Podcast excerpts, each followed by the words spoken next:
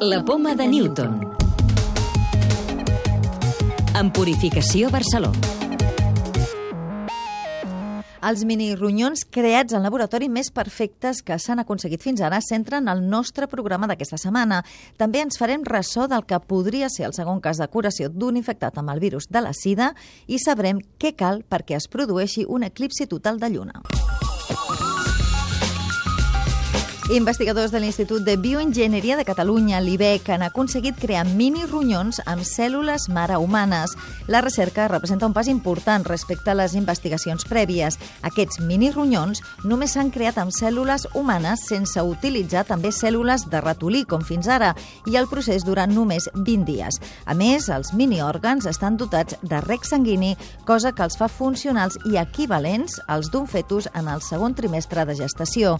Núria Montserrat Serrat és la investigadora principal de l'estudi. Aquest treball que s'ha aconseguit és derivar en un període bastant curt, que dura uns 20 dies, cèl·lules del ronyó i no únicament una població, sinó el que seria la nefrona, no? cèl·lules que, que estarien constituint diferents parts de la nefrona, que és la unitat de filtració del ronyó.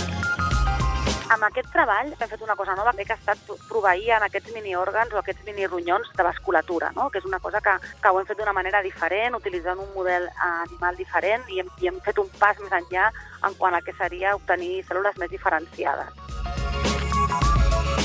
en comparativa amb l'estudi previ, doncs en aquest treball hem precisat de cèl·lules d'altres espècies i hem aconseguit, comparativament, quan mirem altres estudis publicats no fa molt de temps en aquest àmbit, superar el potencial de diferenciació, en el sentit que els nostres minironyons, quan els comparem amb teixit humà, veiem que s'assemblen molt a ronyó del segon trimestre de gestació. Aquests miniòrgans aporten un valor afegit en recerca perquè reprodueixen exactament les característiques d'una determinada zona del ronyó d'un pacient i ja estan disponibles per a investigació. Més coses. S'ha fet públic un segon cas en tota la història d'un pacient que es podria haver curat de la sida. El van sotmetre a un trasplantament de cèl·lules mare per combatre un linfoma de Hopkins. El donant, a més de ser compatible, tenia una mutació rara que impedeix l'entrada del VIH a les cèl·lules. Els resultats obren esperances per curar la malaltia, com explica Javier Martínez Picado, d'Irsi Caixa, centre que ha participat en l'estudi. No queremos hablar todavía de que es un segundo caso de curación, pero sabemos que en los casos previos, todos los pacientes donde se ha interrumpido terapia antirretroviral, el virus ha reaparecido antes del año.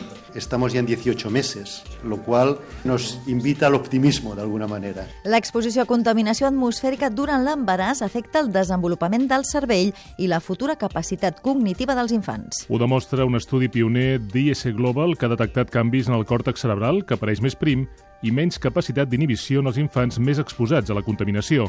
La directora de la recerca és Mònica Guixens. El que va mesurar és el control inhibitori. Això és una funció cognitiva per controlar els impulsos, resistir a tentacions, tenir una atenció selectiva. Llavors, els resultats en el test demostraven que tenien un pitjor control inhibitori. Descobert cinc nous gens relacionats amb la malaltia d'Alzheimer. La troballa ha estat possible gràcies a l'estudi més ampli que s'ha fet fins ara amb participació de la Fundació ACE, en el treball s'han estudiat 94.000 persones i més d'11.000 mostres i demostra que en alguns casos els tractaments per l'Alzheimer precoç també poden ser efectius en els d'aparició tardana. La clau de volta. Què és un eclipsi total de lluna? Salvador Ribas, director de divulgació científica de l'Observatori del Montsec. L'eclipsi total de lluna es produeix quan hi ha una certa configuració molt exacta de la disposició entre Sol, Terra i Lluna. En aquest cas, doncs el que succeeix en un eclipsi de lluna és que la lluna entra a la ombra que fa la Terra a l'espai. És a dir, queden alineats Sol, Terra i Lluna en aquest ordre, de manera que la lluna s'amaga dins de l'ombra que fa la Terra i per tant doncs, deixem, deixa de rebre llum directe del Sol i per tant nosaltres deixem pràcticament de veure-la.